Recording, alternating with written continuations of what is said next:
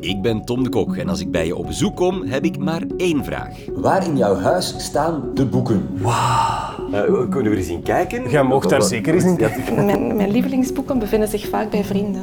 In Groen Gebladerte val ik binnen bij schrijvers die je nog niet kende. Wat staat er op hun boekenplank? Dat gaat eigenlijk echt over hoe wij als mens zijn verleerd om dingen zelf te maken. Heel belangrijk boek om sommige dingen, sommige patronen ook te zien. En ik ben er al drie keer in begonnen en ik- ik, ben, ik strand altijd aan pagina 150. Want ook voor jonge schrijvers zijn boeken als schoenen. Ze zeggen waar je vandaan komt, waar je heen gaat en hoe hobbelig het pad onderweg was. En dat klinkt als een soort heel erg vervelende literaire clusterfuck. Maar op een bepaald moment ga je er ook de humor van inzien. De taalgrens wordt hier heel strikt, heel strikt nageleefd. Ik kan zelfs niet zeggen over wat het gaat eigenlijk.